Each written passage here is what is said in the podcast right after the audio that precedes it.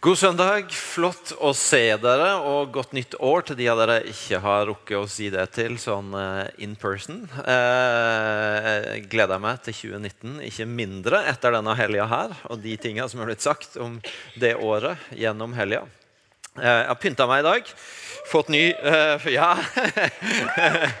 Fått ny T-skjorte. Impuls T-skjorta for 2019. fordi at det er bare tre uker til. Nå har vi snakka mye om alt det Gud har gjort denne helga her. Om tre uker til så har vi æren av å få være vertskap for over 2000 ungdommer som på mange måter skal få sin versjon av det vi har vært med på denne uka, denne helga. Når de eh, samles til impuls, skal få tilbe Jesus, skal få høre om han. Mange skal få gjøre sine første møter og erfaringer med han. Og andre skal få gjøre sånn livsdefinerende valg som eh, som kommer til å sette kurs for mange mange år framover. Og det er vår ære å få være vertskap for det. Og Det betyr at dere som er her på besøk denne helga og reiser hjem, da vet dere at dere har et sted å peke på. Eh, hvis eh, dere har ungdommer hjemme som dere tenker de burde vært der. Det er fortsatt mulig å melde seg på. Og så betyr det først og fremst til oss som er i menighet her, at eh, det er vi som er vertskap, og vi trengs på dekk den helga. Og ute i torget etterpå så kommer Impuls eh, stab til å stå på stand og til å gjøre det mulig for deg å registrere deg som medarbeider og være med å tjene den helga. Kjempeviktig helg for oss. Eh, og apropos ordet Martin ga, det er en av de arenaene hvor vi får mulighet til å bety noe langt utover vårt eget. Så eh, bli med på det. Bli med på det.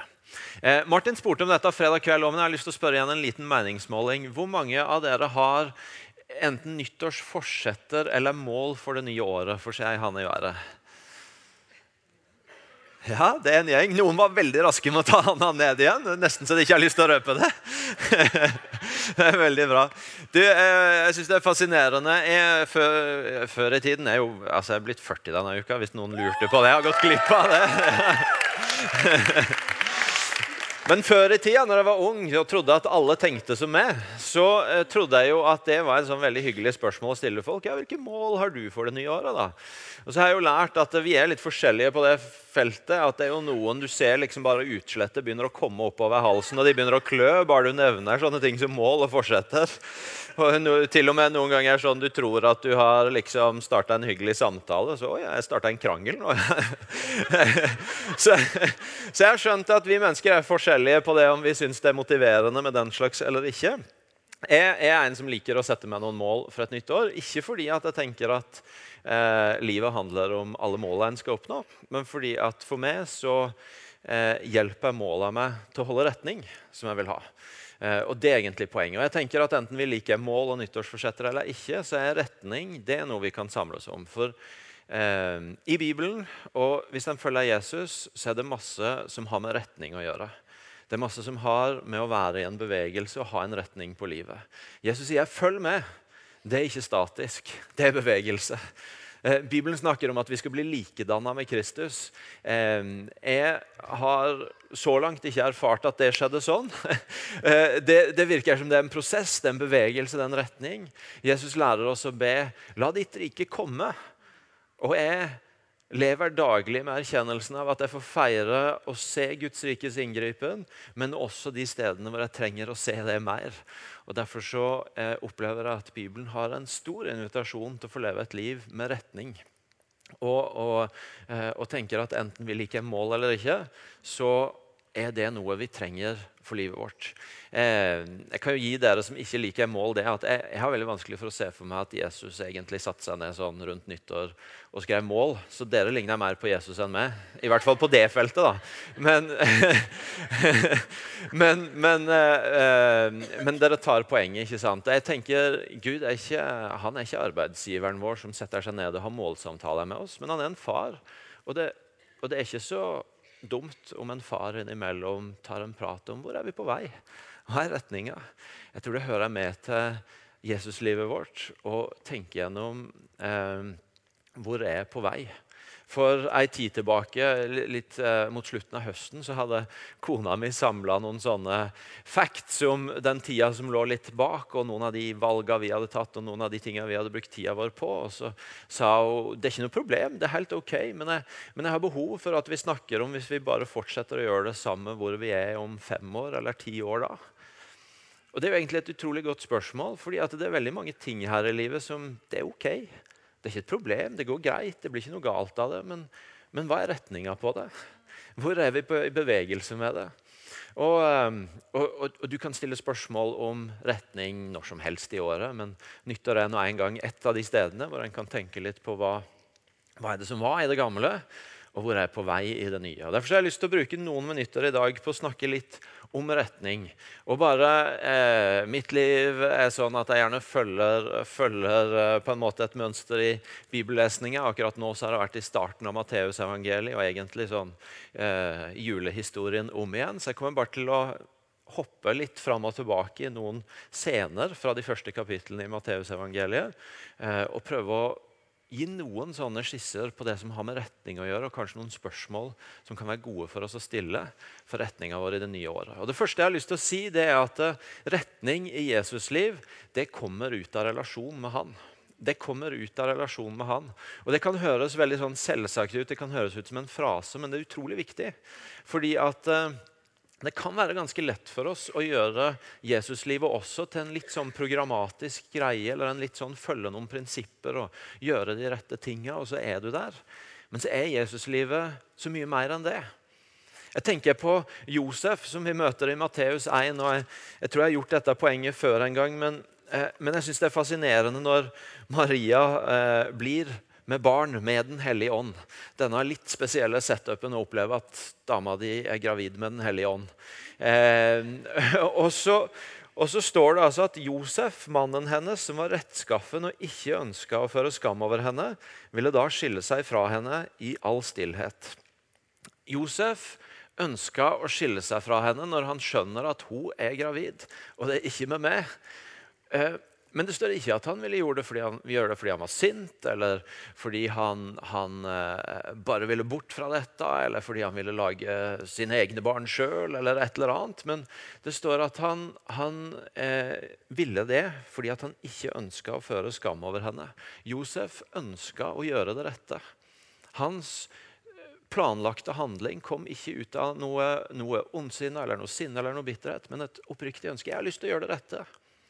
Og Likevel så står det at han hadde bestemt seg for dette, viste en Herrens engel seg for han i en drøm og sa, 'Josef, Davids sønn, vær ikke redd for å ta Maria hjem til deg som din kone.' For barnet som er unnfanga i henne, er av Den hellige ånd. Hun skal føde en sønn, og du skal gi ham navnet Jesus, for han skal frelse sitt folk eh, fra deres synder. Og så gjør Josef det.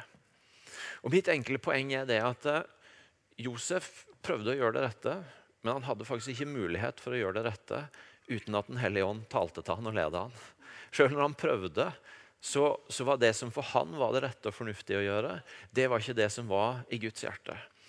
Noen ganger så snakker jeg med folk, så får jeg følelsen av at det å være kristen det koker egentlig ned til å være ganske fornuftig og gjøre de rette tinga. Og det kan ofte være bra å være fornuftig. Jeg heier på det, og jeg prøver å være fornuftig sjøl. Ehm, men noen ganger så er det å være kristen også å være ganske ufornuftig.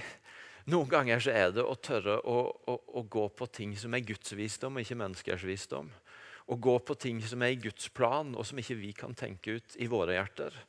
Og Det betyr at uh, retning med Jesus kan aldri bare bli at vi følger noen, eh, noen prinsipper, noen programmer, noen tankeretninger og, og, prøver å gjøre det sånn tålelig skikkelig og fornuftig, og så er vi på sporet. Men, men det springer ut av en relasjon med Han. Og det springer ut av de tinga han leder i, som kanskje ikke vi uten videre kan finne fram til. Det er jo fascinerende når litt senere Jesus begynner å bli aktiv her. og Så står det at Jesus blei så av ånden ført ut i ødemarken for å bli frista av djevelen. Altså, jeg, jeg, Som pastor vil jeg være veldig tilbakeholden med å lage et åndelig prinsipp ut av at fordi alle skal bli Jesus lik, så bør alle ta seg en tur ut i ørkenen for å bli frista av djevelen. Jeg, jeg, kan tenke på flere mennesker jeg kjenner som sånn uten videre ville ikke jeg bare anbefalt dem å gjøre det nå, fordi det gjorde Jesus. Hvis det er et prinsipp i den setninga der, så er det 'Jesus blei så av ånden ført'. Jesus blei av ånden leda. Og Ånden leder Jesus dit, men det er ikke sikkert han leder du akkurat der. Eller det er ikke sikkert han leder du akkurat der Ånden leder med nå. Eh, poenget mitt er Det å ha en retning med Jesus er nødt til å komme tilbake til en relasjon med han, hvor han får lov til å lede deg. Og hvor han noen ganger vil peke på ting som ikke er likt alle andre, eller som ikke står i ei bok du leser, eller som ikke, ikke på en måte kommer ut av menneskelig visdom, men som er Guds visdom, som er Guds plan for du, og som du bare kan finne fram til ved å komme nær Han og lytte til Han. Jeg har, jeg har lovt, jeg sa at jeg var blitt 40 denne uka. Jeg har lovt meg sjøl jeg kan si det nå til dere, at jeg lover det til dere, at jeg skal ikke bruke det neste halvåret på sånn 40-årsreferanse. For det blir bare kleint og klamt. Men hvis jeg skal si én ting som jeg har lært fra 30 til 40, som jeg tror jeg har blitt litt klokere på, så er det at når jeg var 30, hvis jeg oppdaga noe som jeg syntes var skikkelig bra, og også hvis det hadde med Jesuslivet å gjøre, så tenkte jeg dette bør alle andre også gjøre. Så jeg, jeg, jeg, husker jeg kom hjem og hadde møtt Mike Breen og lært om rytme i livet og om legge sånne planer for hvordan du disponerer uka di, sånn at du kan, eh, du kan leve i sunn livsrytme. Og plutselig skulle alle som jeg hadde noe innflytelse over, dere må gjøre det samme. eh, og så har jeg kanskje lært i løpet av disse åra at det er ikke alltid at det er så lurt. Det er ikke alltid at det som er min prosess, er alle andres prosess. Um, og jeg tror Det er så viktig for oss å få fatt i at vi må gjerne lære av andre. Vi må gjerne bli inspirert av andre. Og Det kan være tider hvor det er lurt å kopiere andre. Men hvis du skal kopiere andre for ei tid, så er det fordi Gud, Den hellige ånd, først har sagt noe til deg om at det er retninga. Og hvis de er på vei i samme retning, så kan du lære av de. Um, så jeg tror det der er bare det første stedet å starte. Er 2019 et år for deg til å, til virkelig bare holde fast i søk først Guds rike, og så skal du få alt det andre i tillegg. Og sette retning ved å gå for en dypere relasjon med Han, en nærere relasjon med Han, sånn at det får lov til å sette retninga di. Jeg satt i en samtale med, med en på fredag, og vi snakka litt om dette. Vi var to pastorer, og, eh, og vi snakka litt om det. Hvordan, hvordan, ser det ut å holde den, den Jesus-relasjonen levende, sånn at den får sette retning i en hverdag som er full av mye? Og hvor det jeg snakker om nå, det er ferskvare. Det er ikke sånn at, at har, har, du på en måte hørt, hørt Gud én gang, så har du hørt ham for alltid. Men det det er, en pågående prosess av å leve der hvor han får lov til å komme nær og tale og sette retning. og Eh, og jeg tror vi alle jobber litt med at vi er på sporet, og så kommer vi litt ut av sporet igjen fordi at vi fanges av ting. Og så, og så må vi hente oss inn igjen. Og, eh, og, det, og det, er noe, det, er ikke noe, lett svar på ja, hvordan ser det ut. Det er ikke en formel på det. Men, men det er en ting som jeg har lyst til å si, eh, som jeg sa da, og jeg tror en ting jeg sjøl har lært, det er at eh, du kan, du kan, lese mye om åndelige rytmer og disipliner og forskjellige måter å, å, bygge relasjonen med Jesus på, men en av de viktigste tingene, noe av det jeg har lært aller mest av, det har egentlig vært av å prøve å observere min egen reise med han. Og prøve å lære av hva, hva er det som dukker opp i den, som jeg kan ta med meg og lære av. Så Jeg har for lært det at det er kjempe, mange kjempebra ting jeg kan ta inn i mitt gudsliv, og som inspirerer meg, og som hjelper meg, og som, og som gir momenter. Men for meg personlig så er det ingenting som er mer bombesikkert enn en kopp kaffe, en notatbok og en bibel på starten av dagen. Hvis jeg får det, så er jeg der jeg trenger å være. Og Da er det egentlig ingenting annet av gode ting som kan erstatte det. Og så er det ikke sikkert at det er den plassen som er for du. Jeg har lært at det er min plass, og det er den plassen jeg alltid kan vende tilbake til hvis jeg begynner å komme off track. Poenget mitt er ikke at du skal kopiere meg, men at det kan være lurt å observere hvor er den plassen for du. Du trenger ikke lese alle bøkene om åndelige disipliner for å finne fram til det, men du kan begynne med å grave litt i din egen reise og, og lære av det som er din vandring med Jesus. Og På samme måte så har jeg lært meg å se noen varsellamper som hjelper meg til å fange opp at oi, nå er du visst litt off track. Nå er det et eller annet som ikke stemmer. Jeg har lært meg sånne ting som at når, når jeg går inn i møter og samtaler og egentlig vet at nå har jeg bare et mindset av at denne timen må jeg gjennom fordi det står i kalenderen min, men jeg har ingen retning på det, og jeg, og jeg, og jeg vet ikke vet ikke, vet ikke om jeg klarer å være helt til stede engang, men kalenderen min sier jeg skal være der, så jeg skal være, komme meg gjennom. Da vet jeg at det er et eller annet som ikke stemmer.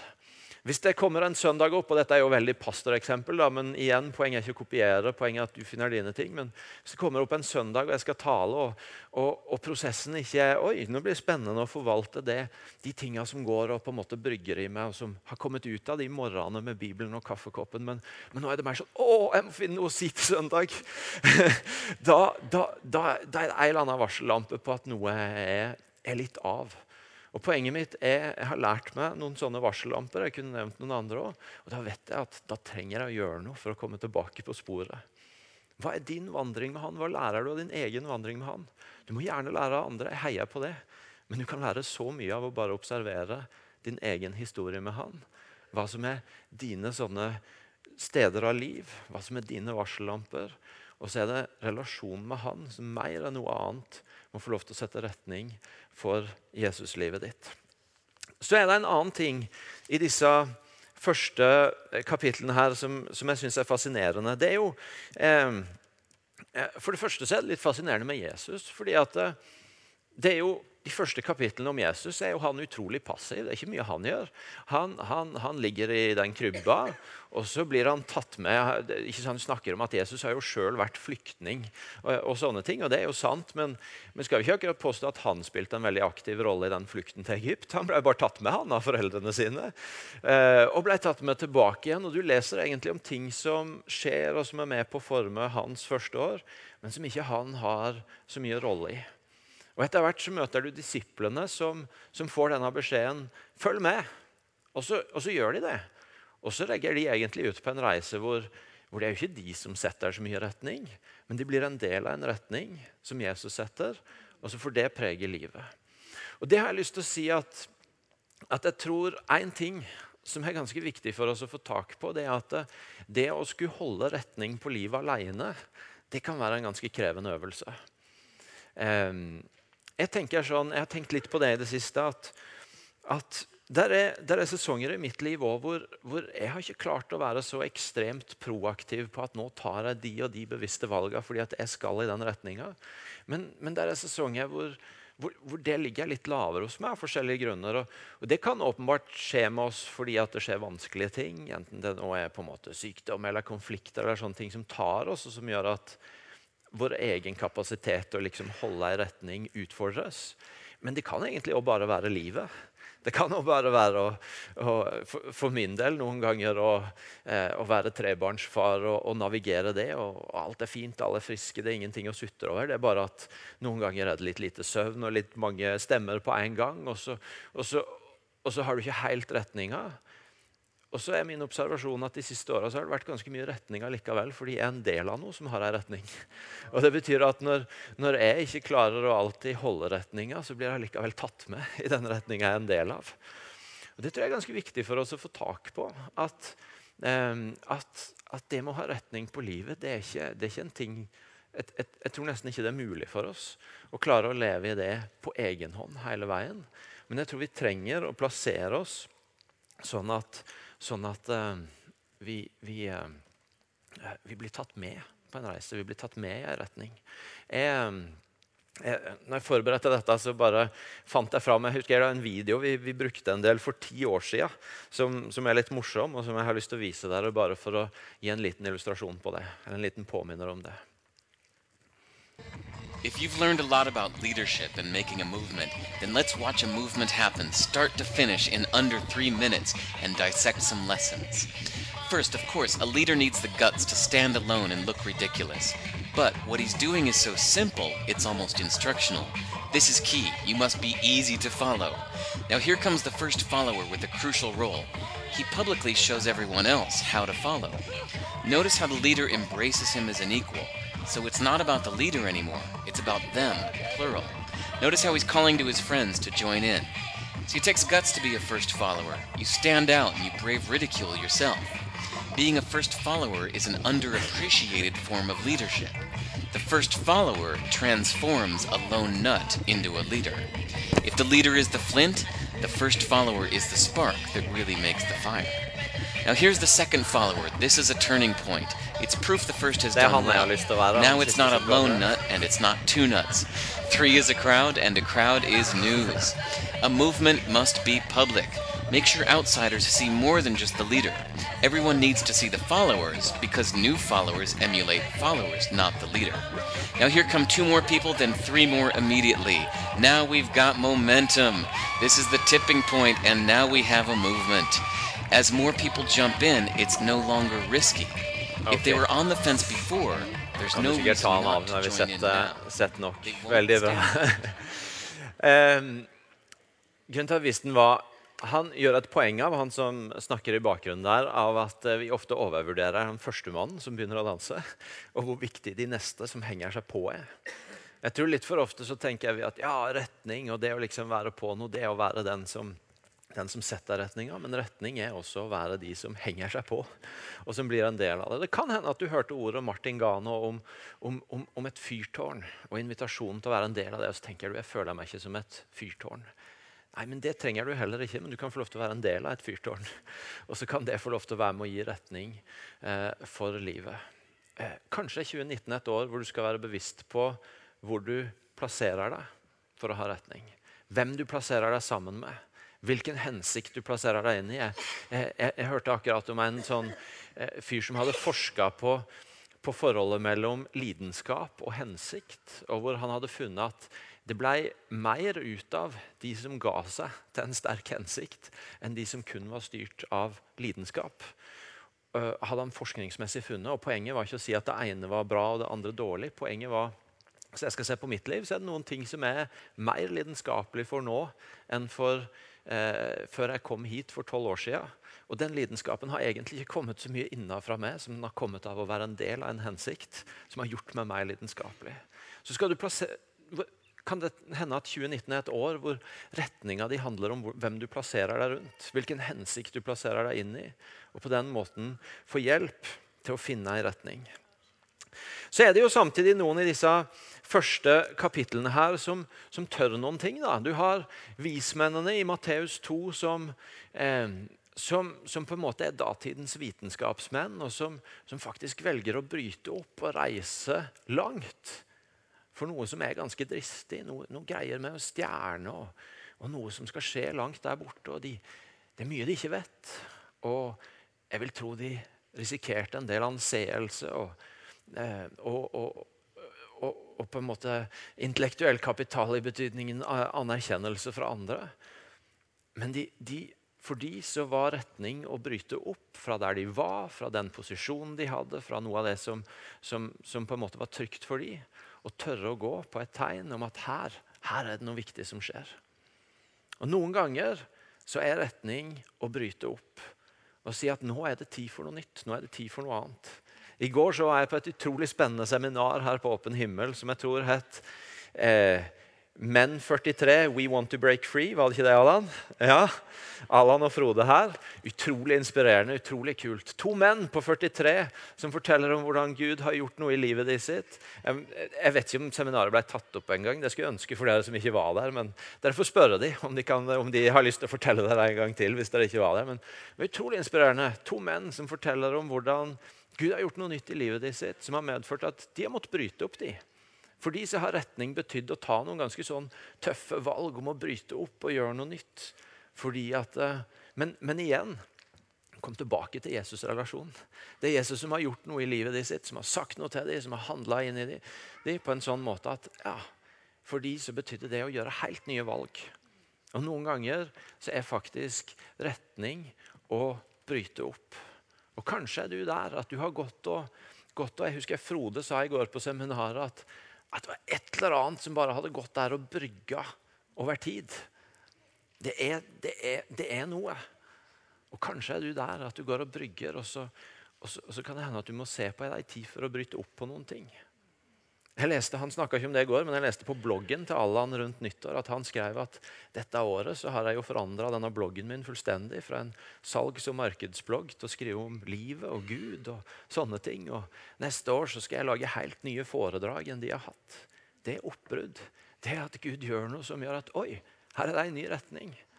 Og noen av dere går og brygger på det. Og jeg har bare lyst til å, å, å kaste ut disse tinga for å for å forhåpentligvis stimulere deg til å tørre å la det Den hellige ånd går og brygger i deg. Ta noen valg på det. La det få bli retning. Og så er det til, så, så, så, dukker jeg jo også Jeg ser tida går fort her, så jeg prøver å være, være litt rask. Men eh, så dukker jo døperen Johannes opp inn i dette her. Døperen Johannes som, som som er en snodig figur. Det står jo at han bor i ødemarken. Det står at han har en kappe av kamelhår og et lærbelte om livet. Og maten hans var gresshopper og villhonning. Så han var jo en litt sånn snodig skrue. eh, som skilte seg litt ut, og som torde å skille seg ut. Og så begynner han å få en sånn så begynner det å skje noe rundt han. Det begynner å komme folk mot han, og du kan tenke at oi, nå er det liksom Johannes sin tid. Nå, nå, nå, nå, blir han populær. Nå er det han som får folks oppmerksomhet. Og så står det at eh, da han så at mange av fariseerne og sadukeerne kom for å bli døpt, så sa han til dem, 'Ormyngel'. Det kaller jeg ikke akkurat å gripe muligheten til min, min, min tid på scenen. Eh, men det fascinerende med Johannes at han, han, bare tør å være veldig annerledes. Han tør å være veldig annerledes, og han holder til og med fast på det når, når han begynner å få på en måte et eller annet som skjer rundt han som gir han oppmerksomhet. Og retning kan også noen ganger handle om det å tørre å være annerledes. Om det å tørre å gå for noe. Jeg leste et intervju med nei, ikke, Jo, jeg leste det først i et intervju, og så fikk jeg faktisk gleden av å sitte ned og snakke med han og høre historien. Rune Solheim, som uh, har vært trommeslager i Kaizers Orchestra, han, jeg, han, han følger Jesus. og han fortalte om hvordan han opplevde i den tidlige tida med Kaizers at han fikk ganske mye sånne tilbakemeldinger. Han var, han var tydelig på at han var kristen, og sånn, så fikk han masse sånne tilbakemeldinger på det, det, er så bra med du, Rune, for du, du er ikke sånn, sånn, som de andre kristne. Du er sånn som oss. Du, du, er, du er, liksom en sånn grei kristen som, som det føles ikke som du er så annerledes. Og Det var positivt meint, og det var meint som en, um, meint som en anerkjennelse. Men han fikk et sånn Oi, dette eh, er ikke bra. Det er jo ikke meninga at jeg skal være lik alle andre. Nå skjer det noe i rommet, og jeg tror det har å gjøre med at det er en gjeng som har antagelig med seg noe profetisk inn som de skal dele ut til folk. Kommer med lapper og tegninger og sånn. Så det, når de kommer til dere, det er helt nydelig. Så tar dere det bare imot. Og så, og så eh, dere som kommer inn nå, bare, bare, gå dit dere ser dere skal, og gi det dere vil gi. Så bare prøver jeg å fortsette.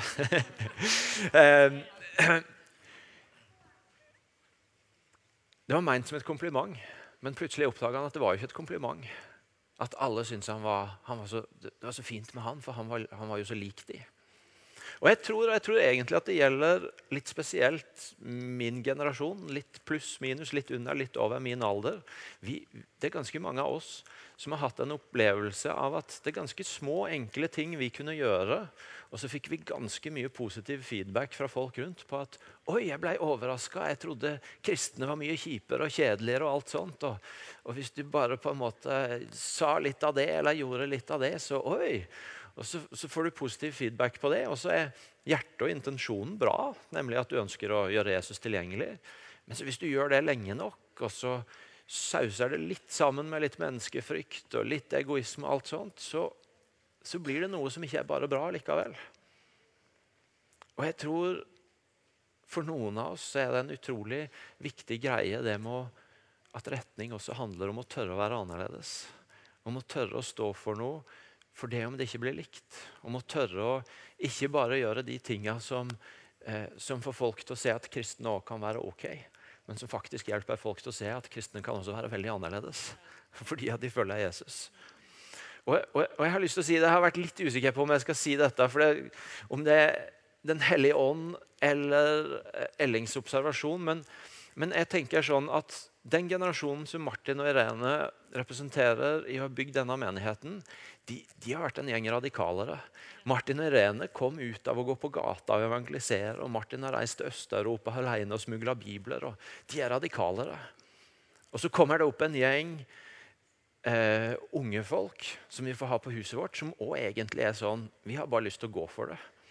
Og så hviler det egentlig et ansvar på oss som er imellom der, og som jeg tror en del av oss har den historien av at det var ganske fint å kunne bli bekrefta på at kristne ikke er så rare. Som egentlig er nødt til å la oss utfordre på at vi må tørre å være annerledes. Og vi må tørre å stå for noe. Hvis den kulturen og hvis det livet som er bygd i dette huset, skal leve videre, så, så er det vi som mer og mer vokser inn i en sånn foreldregenerasjon, som er nødt til å ta det ansvaret for å tørre å være annerledes. Og, og jeg har på en måte blitt litt dytta i det fordi jeg, jeg har jobba så tett med Martin at plutselig så står jeg i avisa og forsvarer helbredelse og profeti og andre ting. Og det er litt sånn, føl litt sånn, følelse. Jeg var i ballrommet med, med en eh, treåring som heter Elliot i går. og Han spurte om jeg kunne dra han opp, og så når jeg prøvde å dra han opp, så bare dro han meg ned i stedet. og det er litt sånn følelse. Pop, der, der ble det bare vippa over kanten. Men, men, men, det er egentlig ganske alvorlig at, at vi er en gjeng som er nødt til å, å bare tørre. Og jeg sier det ikke så mye som en formaning, som egentlig en observasjon av at jeg tror det holder på å skje. Jeg snakker med ganske mange jeg, jeg, jeg ser en god del menn om dagen, pluss-minus min alder, som ja, men de går for noe mer. De vil noe mer med troslivet sitt. Og jeg, og, jeg, og jeg, sier ikke det spesifikt om menn fordi det ikke handler om dere damer, men egentlig fordi jeg tror dere har ligget litt foran, og nå kommer en del av mennene etter. Um, jeg tror det er så viktig for oss. Og hvis du vil vite, hvis du trenger at det ligger noe mer i potten enn bare kulturen i denne menigheten, så kan jeg jo nevne for deg at det vi får tilbakemelding om når vi reiser rundt med Agenda 1, med misjonsarbeid og sånn, det er at uh, the secret sauce i det vi gjør, det er kulturen vi kommer med. Ikke redskaper, ikke, ikke, ikke på en måte all kunnskapen, men det er livet, det er kulturen. Og Det betyr at det som er i potten, er ikke bare oss, men det er alt det vi får lov til å være med og gi til andre. Og Skal det få leve videre, så er vi flere som er nødt til å ha en retning hvor vi må tørre å være annerledes. Må tørre å stå for noe, må tørre å gå for noe. Jeg satt og snakka med en kamerat fra en tid tilbake som, sa, som har en historie på at mange ganger i livet så har han opplevd at Gud har gitt han en sånn bare Det er retninga mi. Og så har han gått i det, og så har det vist seg å stemme. Og så sier han og nå har Gud bare vist, vist for meg Han har, han har gitt meg en, en, sånn fornemmelse av at noen år fram i tid nå så skal det skje et eller annet i mitt liv som har med bønn for syke å gjøre. Han har kjent det innenfra, og han har fått bekrefta profetiske ord utenfra. Og så sier han jeg vet ikke helt hvordan det blir, og jeg kan, jeg kan ikke gjøre noe for å få det til å skje, men jeg har valgt å bli medarbeider på steder hvor jeg kan be for syke, for å plassere meg sånn at jeg er i bevegelse mot det. Jeg tror egentlig ikke det å be for syke i kirka er det det handler om. Jeg tror bare det er en treningsarena for det jeg skal få oppleve utafor kirka. Men jeg har valgt å plassere meg i et sted hvor jeg har retning på det. Det, er det det retning handler om. Ikke et mål han kan krysse av, men en retning på livet som han også velger å ta valg på. Hva er retninga for ditt liv 2019? Handler det om relasjonen med Jesus? Handler det om hensikten du plasserer deg inn i? Handler det om oppbruddet? Handler det om å ville være annerledes? Skal vi reise oss opp og be sammen?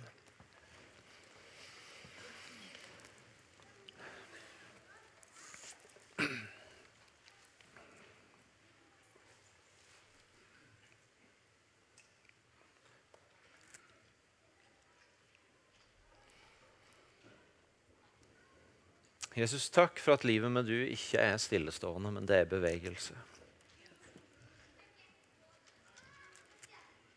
Takk for at du kaller oss til bevegelse, du kaller oss til forandring. Du kaller oss til annerledeshet.